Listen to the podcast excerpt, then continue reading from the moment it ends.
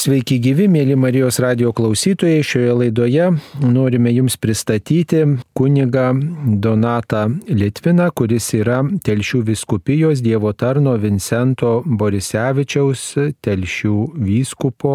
bylos postulatorius. Garbėjėzui Kristui. Per amžius amen. E, taigi kunigas Donatas Litvinas, Telšių viskupijos kunigas, šių metų spalio pradžioje 3-6 dienomis dalyvavo Romoje vykusioje konferencijoje apie šventumą šiandien. Ta konferencija organizavo šventųjų skelbimo dikasterija. Ir kaip tik tai Lietuvoje turim vieną šventąjį, kuris oficialiai pripažintas visi kiti gerbiami kaip palaimintieji arba kaip Dievo tarnai arba kaip liaudės pamaldume laikomi švento gyvenimo žmonės. Ir na, vat, artėjant visų šventųjų dienai svarbu svarstyti šitą temą ir svarstyti apie galbūt ir šventųjų skelbimo tos įstaigos darbą ir tarnystę. Taigi, kaip ten į tą konferenciją nuvykote, kunigė, kaip kokie įspūdžiai iš tos konferencijos? Tai kaip ir minėjot, spalio 3-6 dieną vyko konferencija Romoje, kurią organizavo e, Šventųjų skelbimo dikasterija ir ją buvo pakviesti pirmiausia e, visi postulatoriai, tai yra tie žmonės, kurie dirba su kandidatais į palaimintuosius ar šventuosius, taip pat bendradarbiai, kurie prisideda prie tų bylų rengimo E, žmonės, kurie studijuoja dvasingumo teologiją, bei visi laisvanoriškai, kas norėjo, galėjo dalyvauti toje konferencijoje. Tai buvo iš tikrųjų nepaprastai įdomi konferencija. Ja susirinko mano galva didžiulis skaičius žmonių iš viso pasaulio, dalyvavo keli šimtai žmonių, tai ir postulatoriai, ir kaip sakau, ir bendradarbiai. Ir buvo labai įdomus pranešimai, kuriuos skaitė ir teologai, ir istorikai, ir gydytojas buvo vienas, ir įvairiais kampais, sakytumėm, bandė paliesti, atskleisti, pakalbėti apie tą šventumą šiandieną, ypatingai tokiam e, labai sparčiai besikeičiančiam pasaulyje, kada labai daug įvairovės, daug ir neramumo, ir visokių krizių pasaulyje mes turime, ar ne, ir karas, ir, ir pabėgėliai, ir panašiai. Tai kaip vienas iš pranešėjų netgi kalbėjo ir apie tą patį skurdą, kurio yra labai daug pasaulyje ir kaip atrasti ir atpažinti tą šventumą netgi tokiuose situacijose. Ir kuomet kalbame apie pasaulį, kuris yra labai skaitmenizuotas šiais laikais, tai vėlgi kaip atpažinti ir atrasti tos šventuosius šiandieną, kurie gal gyvena ant žemės, sakytumėm taip, ir tuo pačiu buvo keliamas ir klausimas, ar tokiame mūsų votame sparčiai besikeičiančiame skaitmenizuotame pasaulyje, ar bėra patrauklų šventieji, ar jie begali kažkaip sudominti žmogų, ar, ar žmonėm, šių dienų žmonėms, ar yra įdomus tie šventieji. Kaip vienas iš pranešėjų irgi labai vaizdžiai paminėjo ir tą tokį, sakytumėm, epizodą, kuris yra populiarus, manau, ir Lietuvo jaunimo tarpe, kuomet, sako, nebūtinai patiktukų skaičius byloja apie žmogaus šventumą, kada ten po nuotraukom ir panašiai yra daug patiktukų ir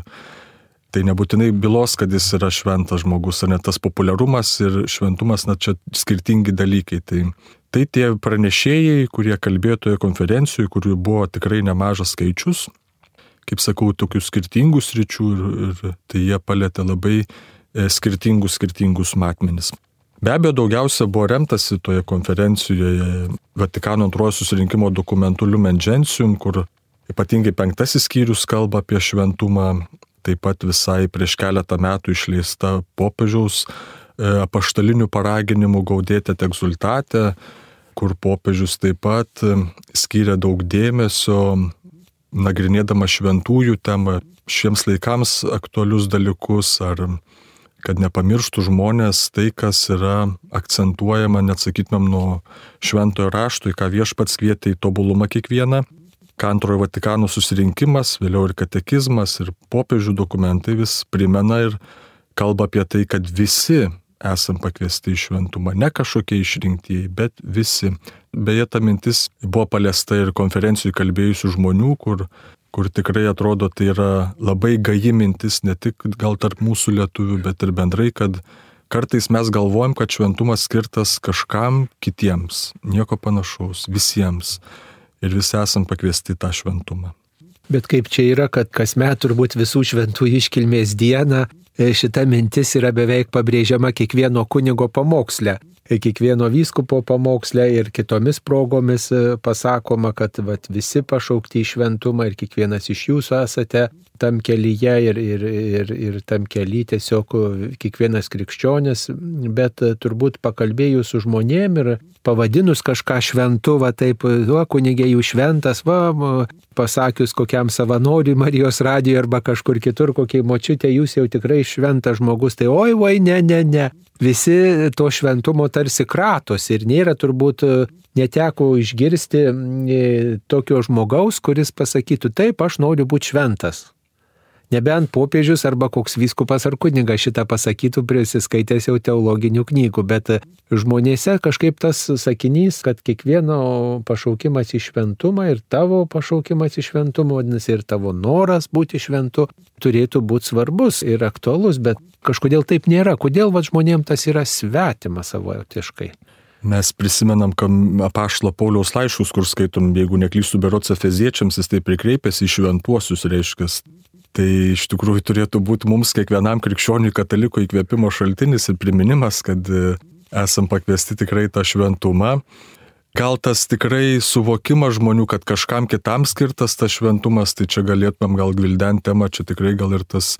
gimtosios nuodėmės kažkokios pasiekmes, kada žmogus e, atrodo nevertas, ar čia kažkokie tokie labai eina kiti gal dalykai, nuodėmės sužaloti gal dalykai, kada atrodo mes esam Arba tas įsivaizdavimas šventųjų, kad jie turi, žinot, levituoti virš žemės ar su, su aureolė jau vaikščioti, nieko panašaus,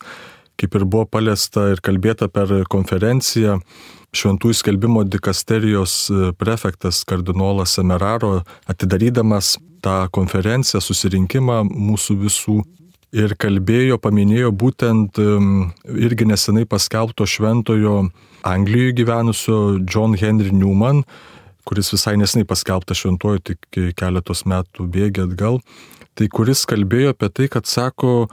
atlikti paprastus kasdienius darbus ir tai yra kelias į šventumą. Bet tai visi atlieka tuos kasdienius darbus. Tai va, įprastus vienas... kasdienius darbus, bet reiškia ir kalba sukasi apie tai, kad sako, kad tai neturim subanalintų paprastų dalykų ir tas būtent šventasis Niumanas apie tai ir kalba, kad reiškia, sako, ir tavo mąstymas turi būti stropiai atliktas dienos bėgyje, ir tavo rožinio malda, kada tu kalbi, turi būti sukalbėta sąmoningai pasimelsta. Tai ir visos tos pareigos, kurias tu atlieki, vat, kaip sakom, atrodo įprastai, bet jos na, turi būti padarytos turbūt su didžiulė meilė. Tai yra vienas iš ženklų. Popiežius Pranciškus savo paraginime paštalinėme gaudėte egzultatė irgi kalba apie tuos šventuosius, jis beje paminėjo ir susitikime, nes vyko susitikimas su popiežium paskutinę konferencijos dieną, tai jis priminė į savo to paraginimo, kaip jis rašo apie tai, kad jam net sakytumėm, patinka tie šventieji, būtent kurie yra pasislėpę, sakytumėm, kasdienybėje, tai yra mamos ir tėčiai, kurie rūpinasi savo šeimą, rūpinasi vaikais, atlieka sąžininkai savo darbus, kur jam patinka ir jis pastebi ir žino apie senyvo amžiaus žmonės, kurie kenčia įvairias lygas, sunkumus ir kurie moka savo tuos sunkumus aukoti. Tai tiesiog tas kasdienybės bėgyje įprastus darbus, bet atlikti e, nuoširdžiai, sąžiningai, tai ir yra kelias į šventumą. Ir tai kalbėjo ir iš tikrųjų akcentavo net ir ne vienas pranešėjas. Ir, ir turbūt tai mums yra kiekvienam iš mūsų yra ta geroji naujiena, sakytumėm, šiandien, kada mes, jeigu mastom apie tuos šventuosius, kad e, nieko ypatingo reikalauja, kaip sakant, kad tapsim šventaisiais, tai čia net ne nuo mūsų priklauso iš tikrųjų, tai yra Dievo dovana ir jo malonė. Bet reiškia, mes turim dėti pastangas atlikdami tai tiesiog sąžiningai, nuoširdžiai savo kasdienius darbus ir mes eisim žingsnis po žingsnio link to šventumo. E, turbūt priežastis dar grįžtant prie to klausimo, kurį čia vat iškėliau, dėl to, kad žmonės nenori būti šventi arba to šventumo kratosi, kad tai siejama su moraliniu tobulumu. Viena yra, reiškia, daryti su meilė, stengtis e, daryti, atlikti gerai pareigas ir gerbti kitą žmogų. Bet e, kitas dalykas - vengti nuodėmės ir rinktis darybę. Žmonės jaučiasi vis dėlto nepakankamai tą darantis. Galbūt va čia yra tas atsakymas, kodėl žmonės nenori vadinti šventaisiais arba nenori to šventumo siekti. Žino, kad vis tiek padarys nuodėmę, žino, kad tų darybių vis trūks ir kad jis toli nuo Dievo, jie tą kažkaip labai supranta. Labai gerai čia pastebėjot, nes ir pamenu, vienas iš pranešėjų, berots arkivyskupas Bruno Forte, per savo pranešime, kaip tik kalbėdamas apie tai, ir labai gražiai ir vaizdingai paminėjo tiesiog paprastą dalyką, kad kartais žmogus galvoja, kad labiau žmogiškas tampa, kada daro tarsi nuodėmės, bet sako iš tikrųjų, kada stengiamės gyventi dorai, stengiamės gyventi sąžiningai, iš tikrųjų daug labiau mes tampam žmogiškesni, o per tai einam reiškia yra kelias į šventumą. Tai vėlgi turbūt tas mūsų suvokimas, kad žmogum tikrų mes tampam ir tikrai žmonėmis esam kada gyvenam dorai, sąžiningai ir, ir kada siekiam to šventumo, vėlgi tikrai, kaip sakom, ne, nebijodami, kad ir padarom gyvenime klaidų ir suklystam, kaip ir šventieji, kad suklysdavom, mes be abejo kalbam apie tuos šventuosius, kurie oficialiai bažnyčios pripažinti ar ne, bet e, kada skaitome jų biografijas, tai matom, kad tai irgi buvo žmonės su savo silpnybėm, trūkumais, ribotumais tačiau jų pasitikėjimas Dievu buvo daug didesnis negu susikoncentravimas ties kažkokiem tai silpnybėm ir savo netobulumais. Tai, bet tas, sakau, mintis labai apie tą žmogiškumo reiškia suvokimą savo, kad kuo labiau sieki šventumo, kuo doriau gyveni, tai tuo labiau tu esi iš tikrųjų žmogus dar šitoje žemėje gyvendamas. Tikrai tai ne, ne kažkaip kitaip kartais, kada žmonės čia, na, daryti, kaip klysti, sako, klysti žmogiška, nu jo, bet pasilikti klaidoj nėra jau žmogiška, kaip sakant, jau. Taip, kilti iš nuodėmės svarbu per atgailą, per atsiprašymą, per pasirinkimą daryti gerą ir, ir keisti save per pastangas vengti nuodėmių ir pasirinkti darybę. Tai dar galbūt kokių kitų minčių įstrigo, kurios pasirodė galbūt naujos e, toj konferencijoje, negirdėtos, kažkokiu kitų kampų galbūt pažvelgta į šventumą arba į tą šventųjų skelbimo procesą toj konferencijoje. Tai pranešimai tikrai, sakau, buvo labai visų tokie iš įvairių kampų palėtė ir, kaip minėjau, vienas iš istorikų švento Egidijaus bendruomenės įkūrėjas kalbėjo tikrai apie tai, kad ko gal mes įprastai nepastebime, bet kiek pasaulyje vyrauja, pavyzdžiui, skurdo ir kaip žmonėms kalbėti apie tai, tiems, kurie išgyvena skurdą per kažkokį šventumą arba kaip juos patraukti, ar ne, yra iššūkis. Tai be abejo buvo remtasi būtent mums visiems puikiai žinomos šventosios motinos Teresės iš Kalkutos pavyzdys, ar ne, kaip jis sugebėjo prie tų vargšų pasilenkti ir e, parodyti jiems tą žmogišką orumą, kilnumą ir kaip yra šventoji. Buvo kalbama ir apie tų pačių kankinystės, pasiaukojimo pavyzdžius, kada ypatingai visuomeniai mes labai tokiu esam hedonistiniai visuomeniai, kada labiau norim visokiausių malonumų. Čia tie patys klausimai ar ne eutanazijos, abortų ir panašiai, panašiai, kada reiškia visuomenė nori gyventi tik malonumuose ir reiškia, kaip sako, dėl nebemoka žmogus pasiaukoti, o iš tikrųjų tai yra nepaprastai kilnu ir gražu, tai buvo ir Maksimilijono Kolbės pavyzdys prisimintas, kaip jis e, ne kažkaip e, saugojo save, bet sugebėjo pasiaukoti už kitus žmonės. Vienas gydytojas iš Milano universiteto atvykęs tikrai kalbėjo irgi tokia labai jautrė tema palėtė būtent abortų klausimą ir apie tai, kaip reiškės e, žmonės pasirengdami tokį kelią, ar moteris, ar ne, tai iš tikrųjų kaip e, užkerta, na, sakytumėm, kelią į tą šventumą savo su tokiais pasirinkimais. Tai tikrai buvo toks labai jautrus pranešimas. Ir, na, kaip ir sakiau, ir tikrai pranešėjai labai priminė ir akcentavo ir tą patį popiežiaus e, apaštalinį paraginimą gaudėti egzultatį labai daug jo rėmėsi, tai turbūt, e, manau, irgi aktualu yra mums e, nuolat sugrįžti ir paskaityti ir prisiminti. Ir tai, ką kalbėjo ir pranešėjai, kad tą šventumą esam pakviesti visi žmonės, ne kažkokie išrinktieji, tai tas apmąstymas ypatingai artėjant visų šventųjų šventai, kuomet mes kalbam ne tik apie visus oficialiai bažnyčios pripažintus palaimintuosius ir šventuosius bet kad kiekvienas žmogus esam pakviestas į šventumą ir iš tikrųjų įvairiais būdais, ar tai šeimo žmonės, ar tai dvasininkai, ar tai našliai, ar tai kurie gyvena kitokias gyvenimo formas įvairiausias, tai kad kiekvienas esam pakviestas į šventumą ir turim iš tikrųjų permastyti tą kelią. Jums kaip betifikacijos bylos postulatoriui kuo buvo naudingi ta konferencija, tie susitikimai, galbūt kažkokios informacijos vertingos gavote, kaip na, vat, skelbti tą pamaldumą, platinti, didinti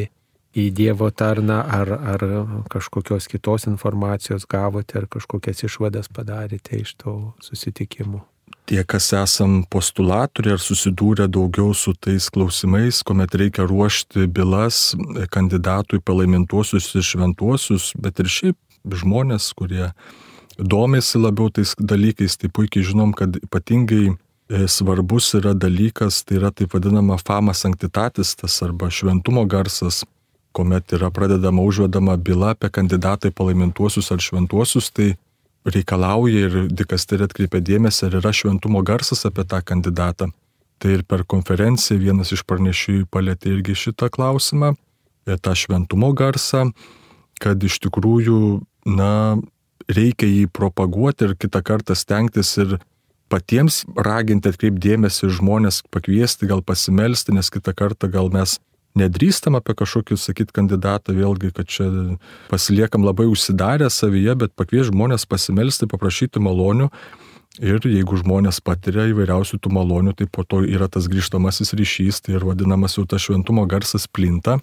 Ir tada galima, na, iš tikrųjų daug produktyviau ruošti tas bylas ir, na, nu, iš tikrųjų gaunas natūralesnis visas tas procesas, tada nėra kažkoks dirbtinis, kad čia tik kažkam reikia to vieno ar kito palaiminto ir šventojo, bet iš tikrųjų, kad tie palaimintieji ir šventieji yra skirti mums, kiekvienam žmogui, jie iš tikrųjų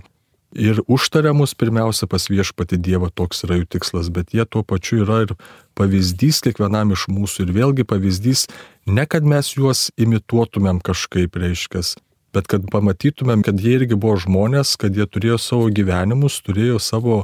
ir kažkokias problemas, ir savo džiaugsmų, ir vargų, ir kad jie yra šiandieną pripažinti bažnyčios palaimintieji ir šventieji, tai jie mums pavyzdys, kad ir mes su savo vargais, su savo džiaugsmais, su savo ribotumais galime eiti ir siekti drąsiai to šventumą, į kurį viešpats Dievas kiekvieną žmogų kviečia. Tai tas um, šventumo garsas iš tikrųjų, kaip sakau, buvo paliestas vienoje iš konferencijų ir tikrai ir kaip ir man asmeniškai turbūt, kad daugiau kalbėti ir pačiam be abejo melstis į tuos kandidatus, nebijoti pasimelsti, kurie ir Lietuvoje mes turim tų kandidatų į altoriaus garbę, bet ir priminti žmonėms, kad jie nebijotų savo šeimose, savo reikaluose prašyti vieno ar kito e, užtarimo pas viešpati Dievą ir kad jeigu kažkas, na, įvyksta iš viešpatės malonės, kad nebijoti pasidalinti, iš tikrųjų liūdyti tą tikėjimo patirtį ir taip sklistų tas šventumo garsas. O e, vis tiek nuo ko čia priklauso, kad e, štai vienas atrodo šventasis kažkaip labiau yra mylimas, paplitęs, žinomas ir tas šventumo garsas labiau, labiau pasiekia žmonės ir, ir, ir tiesiog daug ir pastangų nereikia, tiesiog žmogus nuo žmogaus tą žinią ima, o kitur kitas kažkoks šventasis, kad ir kiek bandytų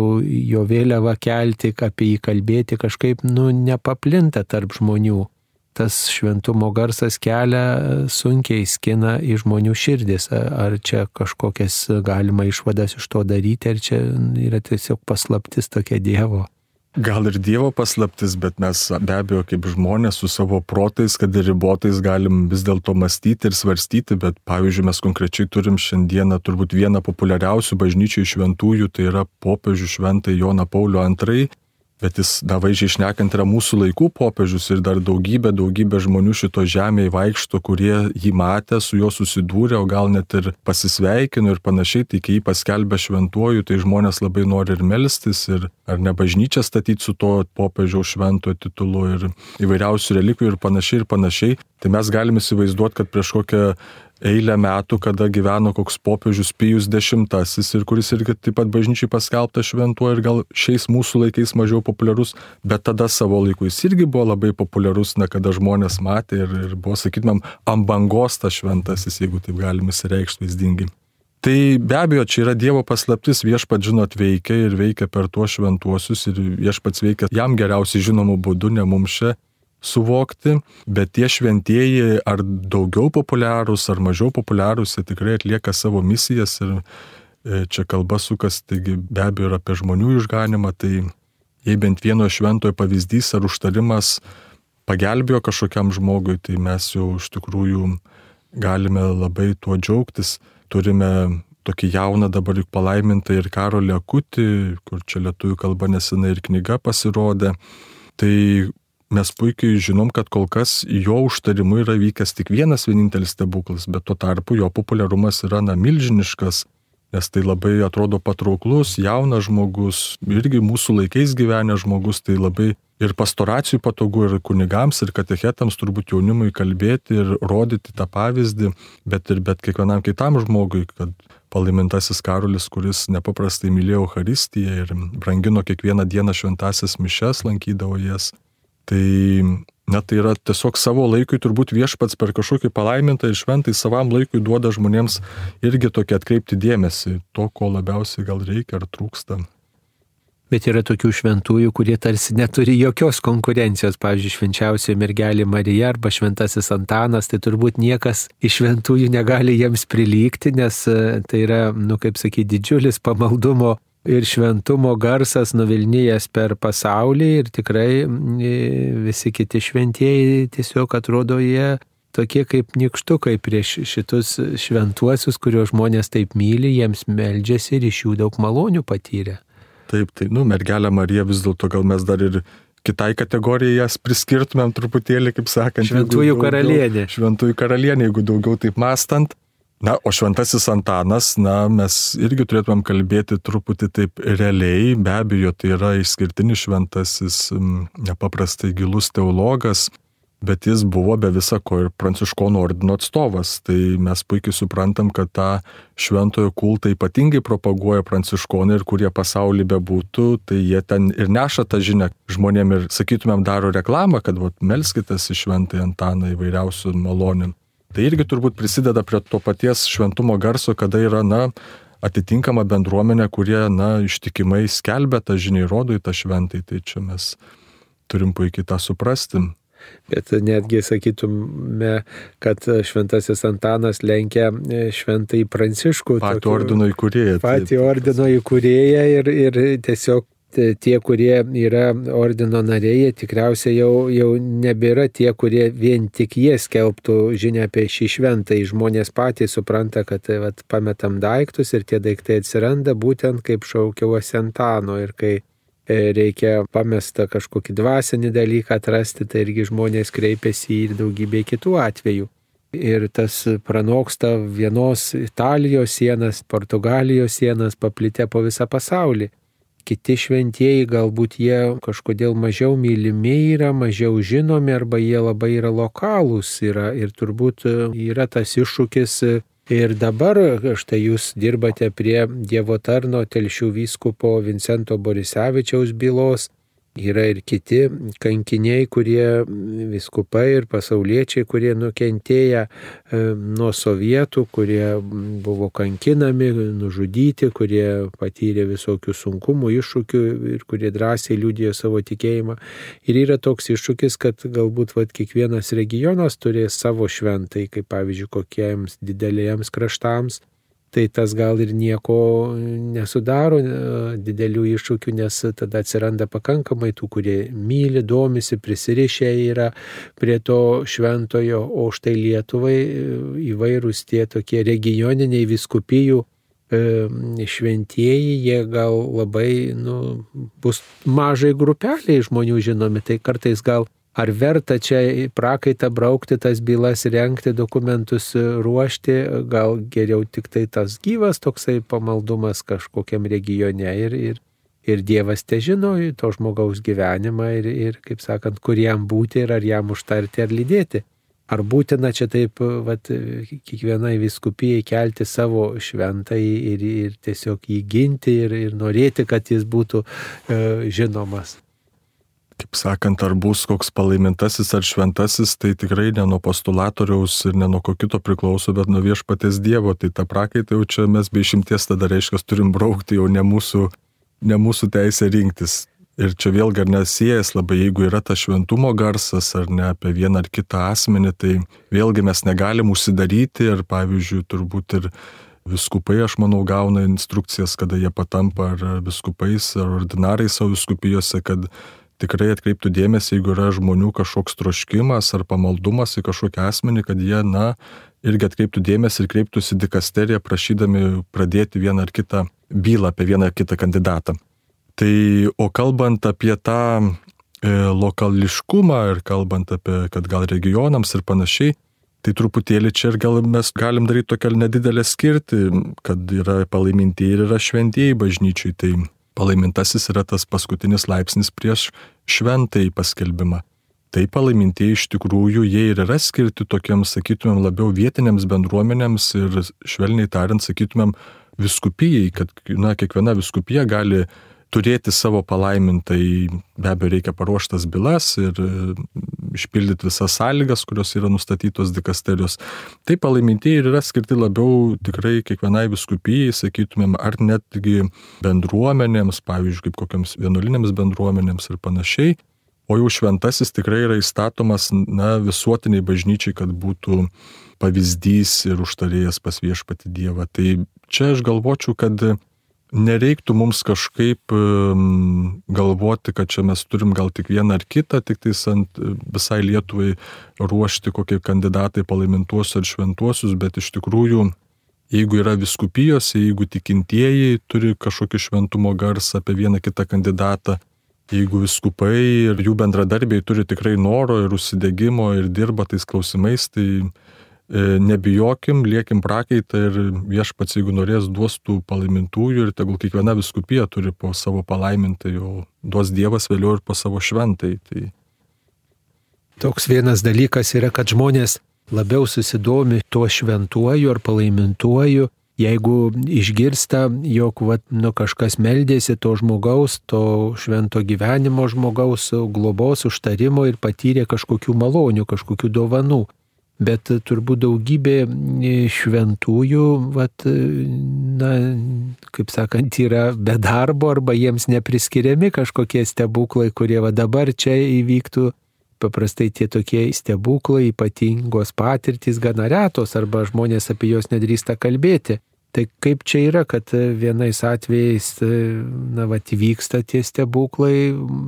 būna tų visokių malonių žmonėms, o kitais atvejais, žiūrėk, žmogus meldžiasi ir švento gyvenimo pats yra ir, ir taip pat meldžiasi į tą tikrai, kuris atrodo ir išklauso, ir rūpestingas, ir viską, bet vat malonės nesulaukia to ir tada turbūt tam šventumo garsui tai yra kliūtis tokia plėtotis. Tas e, stebuklų klausimas irgi toks jis yra kitą kartą tikrai ganėtinai jautrus, nes pavyzdžiui, kai kurie žmonės, kurie patiria kažkokių tai malonių, prašant vieno ar kitojo švento ar palaiminto užtarimu, tai jie iš tikrųjų yra tokie gal labai asmeniški ir jie labai na, linkia pasilikti savo arba nenori apie tai daug viešinti, kalbėti. Bet čia reikia irgi atkreipti dėmesį, gal puikus e, momentas, kada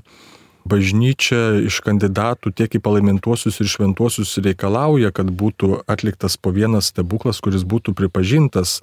konkrečiai pavyzdžiui, medikų komisijos, jeigu yra kažkoks pagėjimas.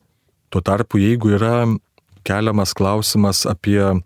kankinystės e, kelią, kurį patyrė vienas ar kitas kandidatas. Tai palaimintuosius bažnyčia nereikalauja stebuklo, nes sako, jau jo gyvenimas, jo pralietas kankinio kraujas dėl Kristaus, jau švelniai tariant yra pats stebuklas ir jau nebereikia kažkokio kito įrodymo. Čia ir popiežius Pranciškus susitikime su šventųjų skelbimo dikasterija buvo kažkada paminėjęs, kad iš tikrųjų ties tais stebuklais nereikia kažkaip labai taip susikoncentruoti, kalbant apie kandidatus į palaimintuosius ir šventuosius. Tiesiog vat, būtent atkreipdėmės, kad būtų bent po vieną tą stebuklą skelbiant ar palaimintoju ar šventuoju, kad tai būtų, kaip paaižiai pasakė ir popiežius, kad tai yra tarsi, na, Dievo pirštas, kuris tikrai parodo, kad va, per šito konkretaus šventų užtarimą įvyko vienas ar kitas stebuklas. Bet um, pats sakau, tų reiškia palaimintų ir šventųjų gyvenimas kada juos žiūri ir nagrinėjai, pats gyvenimas jau gali būti jau jų stebuklas, kada tu skaitai ir to gali ir patraukti, ir sužavėti, ir įkvėpti. Tai tas stebuklų klausimas, na, jis toks yra, toks delikatesnis, gal sakyčiau, truputėlį taip ir kitą kartą gal nereikia taip tiesiog sustoti ir arba kažkokiu tų stebuklų, gal kaip mes įsivaizduojam, kad nežinau, ten Jeigu neturi darbo, meldiesi kažkokį šventą užtarimo, kad ir negauni to darbo, bet gal tau tas šventasis iš viešpatės išmeldė suvokimą, kad tu savo jėgas ir energiją gali kažkur kitur panaudoti, ta prasme, tai žinot, tai, tai tas stebuklo suvokimas, na, jis yra čia toks labai, sakau, klausimas, kur galima įvairiai nagrinėti. Be abejo, mes turim tokių ar ne šventųjų, kurie, pavyzdžiui, turėjo ir stigmas, kaip, pavyzdžiui, 20-ame amžiuje gyvenęs e, šventasis tėvas iš Pietralčinos, ar net tai tokias išskirtinius ženklus, sakytumėm, jau kurie lydėjo jų gyvenimą, arba kur netgi galėdavo biolokacija, kaip sakant, būdavo, kada galėdavo būti ne vienoje vietoje ir patyrę žmonės ir paliūdė apie tokius dalykus. Tai yra tokių atvejų ir puikiai žinom jų, ar netgi su tuo pačiu šventuoju mūsų Kazimieru Lietuvos globėjų ar ne. Bet sakau, čia tiesiog nereikia tiek kažkaip mums susikoncentruoti ir sustoti stebuklais. Kita vertus, dar irgi labai svarbus dalykas paminėti, kas manau labai aktualu mūsų laikams kuomet e, mes turim galvojam gal, kad tų stebuklų nevyksta kažkokių šventųjų užtarimų, bet e, turim suvokti, kad gal tie stebuklų įvykimai nėra taip ištransliuojami, kaip mes gal įsivaizduojam. Mes žiūrim televiziją, panoramą, ten ar dar kažkokias žinias, tai jeigu ten kažkur Brazilijoje ar Argentinoje vyko koks eucharistinis stebuklas, pavyzdžiui, tai nebūtinai mes sužinosim iš, to, iš tų žinių savo, ką įprastai žiūrim, tai jau reikia atskirai domėtis, kaip ir su tuo pačiu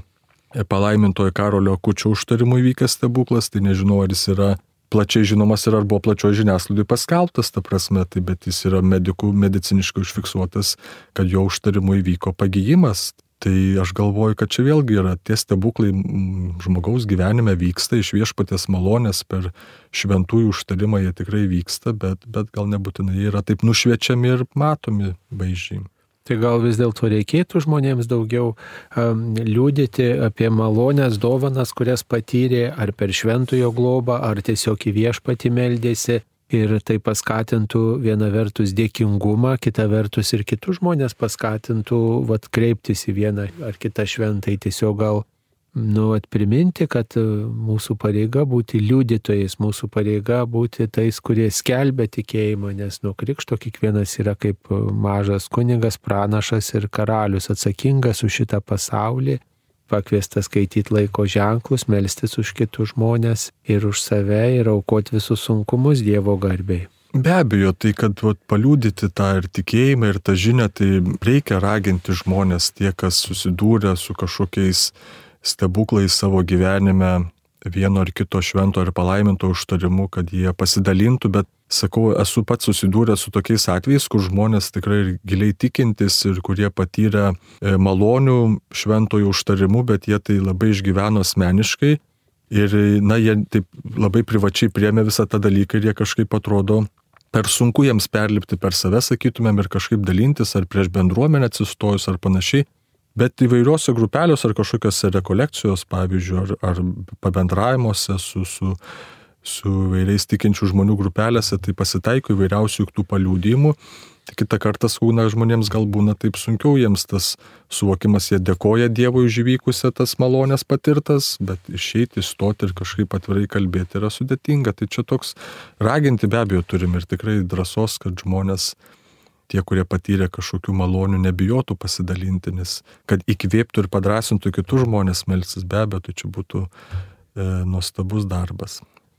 Na ir tarkite keletą žodžių apie vyskupo Vincento Borisevičiaus betifikacijos bylą, kokioje stadijoje dabar, kaip e, vyksta visas procesas. Tai vyskupo Vincento Borisevičiaus byla jau buvo perduota Romoje 2000. 18 metais į Šventųjų skelbimo dikasteriją. Tai visas procesas buvo išpildytas, įvykdytas, kas priklauso tai vadinamai e, viskupijos fazai ir prasidėjo tuomet jau Romos fazė. Ir bylos yra visos, na, taip sakytumėm, paruoštos, tvarkingos. Dabar belieka laukti tik paskirimo iš dikasterijos pusės, kuomet dikasterija paskirtų bylai atsakingą asmenį, taip vadinamą relatorių, kuris drauge dirbdamas su postulatoriu būtų paruošiama pozicija apie Dievo tarną vyskupą Vincentą Borisevičių. Tai dabar truputėlį yra toksai, na, laukimo stadija, nes um, jau nieko nebegalim padaryti savo pusės iš tikrųjų ir reikia laukti dikasterijos sprendimo ir jų paskirimo. Tai, tai jie turi sušaukti sesijas, kada sušaukia, tai ne tik vienai bylai jie paskiria tuos relatorius, tai jie turi turbūt savo darbo metodus be abejo. Tai, tai dabar yra byla tikrai sakytumėm, iš viskupijos pusės padaryta, viskas jau yra iki galo šiuo metu,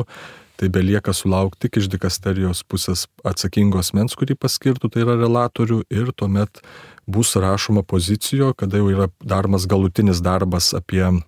kandidatai palaimintuosius ir tada jau vyksta balsavimas, ten tyrimas ir dikasterija pristato tuomet jau tuos kandidatus popiežiui. Nu, tai gal dar keletą žodžių tarkite apie tą poziciją, kas tai yra ir kas ten turi atsispindėti. Pozicijo labai geras klausimas. Tai tas pozicijų yra toks darbo parašymas apie kandidatus į palaimintuosius. Labai įsamei parašomas tas darbas nuo, sakytumėm, gimimo, e, kur augo, kur gyveno, apie šeimą papasakojimą, kur mokėsi ir panašiai ir panašiai. Čia labai svarbu turbūt yra atkreipdėmėsi tai, kad visos bylos kandidatų į palaimintuosius gali praeiti tik trim keliais, nėra kitų būdų. Tai yra darybių kelias, yra kankinystės kelias ir popiežius Pranciškus nesinai įvedė gyvenimo paukojimo kelią. Tai apie bet kokį kandidatą į palaimintuosius galima vesti bylas tik šitais trim keliais. Tai jeigu darybių kelias, tai reiškia, reikia toj pozicijoje ir įrodyti labai stipriai, kad tas kandidatas į palaimintuosius tikrai pragyveno gyvenimą taip ir puoselėjo vieną ar kitą ar visas darybės taip ypatingai, kad jis vertas būti paskelbtas palaimintoju. Kaip pavyzdžiui, mes e, dirbam ties Dievo tarnu Vincentu Borisevičiumi, tai mes bandom įrodyti jo būtent kankinystę, tai visas tas aprašymas ir eis taip, kad finale reikia užakcentuoti ir įrodyti, kad jis mirė tikrai kankinio mirtimi, bet ta kankinio mirtimi ne dėl kažkokių tai idėjų, ideologijų ir panašių dalykų, bet mirė tikrai už Kristų, reiškia, iš meilės Dievui paukojo savo gyvenimą. Ir lygiai taip pat, kaip yra gyvenimo paukojimo kelias, tai tas pozicijų, kai yra rašomas, tai yra irgi užakcentuojama, kad tas žmogus kandidatas į palaimintuosius tikrai paukojo savo gyvenimą dėl kilnių tikslų, dėl Dievo reiškia. Tai, tai tam pozicijoje tai yra, kad sakau, ten sudaro tikrai daug informacijos, bet tai yra daug biografinės, istorinės medžiagos, sakytumėm, ten liudininkų apklausos, kurie matė arba girdėjo apie kandidatą palaimintuosius, bet vis dėlto, kad pozicija būtų išpildyta, tai turi būti užakcentuotas tas momentas, kuriuo keliu yra vedama byla tai turbūt nelengva įrodyti ir darybės, ir nelengva įrodyti, kad, reiškia, žmogus tokį gyvenimo kelią pasirinko kuris artina jį prie paties Dievo. Gal turbūt kankinystę lengviausiai įrodyti, nes yra dokumentai, yra kažkokios apklausos, yra mirties e, fakto nustatymas. Bet e, gal žinoma, dėl kokių dalykų žmonės prašo Dievo tarno vyskupo Borisevičiaus užtarimo globos. Kaip jeigu atsakant į tą pastebėjimą, kad dėl kankinystės kaip ir lengviausia, iš vienos pusės kaip ir sutikčiau, nes kaip ir minėjau prieš tai, kandidatui į palaimintuosius, kur byla yra vedama per kankinystės įrodymą, tai nereikia bent jau stebuklo, tai šito klausimu šiek tiek sakytumėm lengviau, nes reikia truputį mažiau kažkokios medžiagos rinkti, nesigilinti kažkokį stebuklą. Bet tuo tarpu vėlgi primenu, kad ir noriu užakcentuoti, kad tas kankinystės įrodymas yra labai svarbus argumentas, kuomet reikia įrodyti, kad kandidatas mirė už Kristų, reiškia, kad buvo kažkokie kankinimai ar nužudimas, kaip sakytumėm, tiesiogiai Dievo tarno vyskupo Vincento Borisevičiaus byloje, kad jis buvo nužudytas prieš tikėjimą, reiškia žmonės, kurie jo. Tai tą reikia, na, neužtenka tik parašyti, kad jis tikrai mirė už Kristų, nereikia įrodyti ir istoriniam sąlygom, kurios buvo tuo metu ir, ir, ir iš liudininkų, kaip sakote, apklausų ir taip toliau. Kalbant apie žmonių pamaldumą ir prašymą, tai yra, yra tokių užfiksuota įvairiausių liūdėjimų bet jie yra tokie labiau tikrai asmeniški, kada įvairių šeimų problemas išgyvenantys žmonės prašė Dievo tarno Vincento Borisevičiaus užtarimo ir patyrė tam tikrų malonių iš tikrųjų jo užtarimų. Ir gal puikia proga iš tikrųjų ir paminėti, kad reikia nebijoti, vėlgi čia grįžtant prie to, kad apie šventumo garsą ir kad nebijoti, kad e, melstis ir prašyti užtarimo. Ir Dievo tarnas Vincentas Borisevičius ir buvo ir kunigas, ir vyskupas vėliau, bet e, nepaprastai labai mylėjo šeimas ir ne vieną konferenciją paskyrė kalbėdamas jaunimui, šeimoms apie tai, kaip reikia stiprinti šeimas. Tai čia ypatingai tarpukario laikotarpis, kai pagalvojam, atrodo, eilę metų praėjo, daug visko įvyko pasaulyje, bet ir tos problemos ten buvo aktualios ir mūsų laikais tas pats bevyksta iš tikrųjų tas. Tai Dievo tarnas akcentavo, kada bus katalikiškos stiprios šeimos, tai yra ir tėvynės Lietuvos ateitis, ir katalikų bažnyčios ateitis. Tai na, lygiai taip pat ir mes šiandieną matom, kad nieko galėtumėm nepakeisti jo kalbose praktiškai. Jau nekalbant ir apie tai, kad Dievo tarnas, būdamas vyskupų, 1944 metais savo viskupijų, telšių viskupijos tikintiesiems parašė ganytojinį laišką, kada kvietė žmonės padėti nuo karo bėgantiems lietuviams, kurie bėgo iš rytų pusės į link žemaitijos, sakytumėm. Tai jis paragino savo viskupijos tikinčiuosius, kad padėtų, reiškia, e, tiems bėgančiams ir vargstantiems lietuviams besitraukiant frontui, reiškia, kad kažkaip nenuskriaustų, neišnaudotų. Ir jis labai vaizdingai ten rašo savo laiške, kad ima ir didesnės pinigų sumas už maistą iš tų pabėgėlių ir panašiai, panašiai. Tai, na, vėlgi žiūrime mūsų laikus ar ne ir mes susidurėm praktiškai su identiška situacija, kada ar ne mes turim pabėgėlių dabar iš Ukrainos, kada vargsta žmonės ir kartais pasigirsta tarp žmonių, kad čia patys sunkiai gyvenam, čia patiems blogai, kaip čia dar galim kažkuo padėti. Tai manau, kad vyskupas Vincentas Borisevičius tikrai ir sudraustų, ir primintų, ir sakytų, kad ne, brangiai, kad tikrai turim padėti tiem žmonėms, nes jie vargsta ir čia karas, čia ne kažkoks šiaip vargas, tai yra didžiulis baisumas, kurį mes, kurie nepatiriam, mums ir nesuvokiamas dalykas ir dėl to turim stengtis padėti. Tai tiesiog tas aktualumas ir kvietimas tikrai melstis, prašyti užtarimo, tai tikrai raginčiau šeimas, kurios gal kažkokius sunkumus susiduria, ar tarp kartų, gal tėvai su vaikais nebesusišneka, nežinau, ar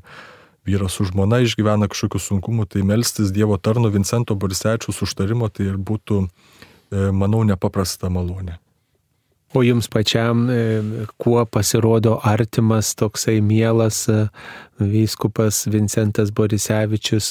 ne tik dėl to, kad buvo telšių vyskupas kunigas, bet dar gal kokią savybę turėjo, kuri jums tokia artima, miela ir kurią norėtumėte ir savį įdėkti, išugdyti. Tai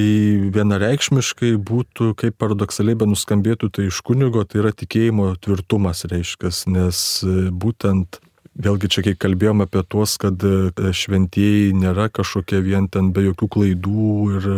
be jokių įdų ir panašiai, panašiai, tai kuomet žiūrim į vyskupo Vincento Borisevičiaus tą gyvenimą, tikrai buvo pasitan ir kažkokių tai abejonių, kada į sovietinį saugumas ten tardė ir tarsi jis jau kaip ir buvo pasiryžęs ko ne bendradarbiauti ir vis dėlto Evangelijos e, žodžiai jį tik labiau įkvėpė ir sustiprino, kad geras ganytojas už avis guldo gyvybę ir jis sugeba pasakyti, kad nieko panašaus aš čia nebendradarbiausiu ir, ir prieš tokią sistemą atsilaikyti žmogui, nu aš dėl to aš manau, kad tai yra didžiulio tikėjimo vyras jis buvo ir didžiulis pavyzdys ir mane asmeniškai tai tikrai įkvėpė, kada galvoji, E, mes nepatiriam kažkokių tai kankiniščių, tokių iššūkių, sakytumėm, savo visuomeniai, bet kažkokiu kitų laipsnių reiškia, kada mes turim kalbėti apie tikėjimą arba jį paliūdyti, kada esam kviečiami, tai būna na iššūkis, kad tarsi, tarsi bijom, tarsi čia kažkaip pasirodys atsilikęs ir panašiai, tai to tikėjimo sustiprinimo, kokį turėjo Dievo tarnas, tai man tikrai yra didžiulis įkvėpimas išstovėtų savo tikėjimą, išstovėtų už Jėzų Kristų, tai yra pavyzdys man. Kaip galėtume apibendrinti šitą laidą, e, kuri susijusi su konferencija organizuota Vatikane Šventųjų skelbimo dikasterijoje, kokią žinę skelbėme šios konferencijos visiems žmonėms. Įdomu dar vat, pasakėt ir prisiminiau, kaip iš tikrųjų ir per konferenciją buvo paminėtas tas momentas, kada, sako, gyvenam tokiam sekuliariais laikais ypatingai, kada žmonės ne tiek eina į bažnyčią ir sekmadieniais, tai čia bendrai tendencija tokia Europai ypatingai. Bet reiškia, sako, tiem žmonėms yra visai patrauklų šventieji ir pavyzdžiui, ten netgi ar kokios Facebook'ose ar kažkur kitur, žmonės visai mielai, pavyzdžiui, dalinasi įvairių šventųjų citatomis ir mintimis, nors jie visai gali būti net neina į bažnyčią, bet reiškia, šventieji jie traukia, jie yra patrauklų žmogui, net kuris neina į bažnyčią. Bet tai reiškia, gali būti puikia galimybė, ar ne, kad ir evangelizuoti ir šviesti, ar ne ypatingai jaunus žmonės ir bendrai žmonės, kad reiškia per kažkokį šventojo pavyzdį, per kažkokius gyvenimus, reiškia patraukti, atkreipti dėmesį, kad čia reiškia, jie yra priklausantis katalikų bažnyčiai ir kad čia yra nuostabu priklausyti tai bažnyčiai, iš tikrųjų tai bendruomeniai, kad tai yra nepaprastai didelė šeima, į kurią patenka ir šventieji, ir mes dar, kurie keliaujam šiais žemės keliais. Tai tas pat patrauklumas šventųjų, bendrai visų šventųjų, čia ne, ne, neįskiriant kažkokiu konkrečiai, tai manau tiek konferencijų, tiek ir mums artėjant visų šventųjų šventai, tai puikia proga permastyti ir, ir atkreipti dėmesį ir be abejo grįžtų vėl prie tos pačios minties, su kuo pradėjome ir kas tikrai labai buvo akcentuota ir per tas konferencijas kelių pranešėjų, tai, ką kalba ir bažnyčios dokumentai, kad visi esam pakviesti į šventumą ir kuo labiau stengiame šventai gyventi, tuo iš tikrųjų ir mūsų žemiškas gyvenimas prasmingesnis jis yra. Ir tas šventųjų gyvenimas tikrai nėra kažkoks nuobodus ar ten labai kažkoks sterilus, sakytumėm, bet iš tikrųjų visko jame pasitaiko, bet svarbiausia troškimas, kad būtų siekti šventumo, tai ir tas, kaip sakau, žemiškas gyvenimas prasmingas yra. Ir tada turime galimybę pasiekti šventumą, būti viešpatės artumoje. Mėly Marijos radio klausytojai, šioje laidoje jums kalbėjo Telšių viskupijos kunigas, Dievo tarno vyskupo, Telšių vyskupo Vincento Borisevičiaus bylos postulatorius kunigas Donatas Litvinas. Jisai dalyvavo Romoje spalio pradžioje vykusioje konferencijoje apie šventumą šiandien. Konferenciją organizavo Šventųjų skelbimo dikasterija. Ir pagrindinė žinia, kad kiekvienas žmogus e, turėtų prisijaukinti šventumą kaip ypatingą savybę, kuri padeda mums artėti prie viešpaties ir e, užsikrėsti jo požiūriu, jo, jo nuostatą, jo laikyseną e, šiais laikais, kad būtume jo žinios nešėjai savo gyvenime. Kuniga Donata šioje laidoje kalbino aš kunigas Saulis Bužauskas. Būkite palaiminti ir šventi. Ačiū sudė. Su Dievu.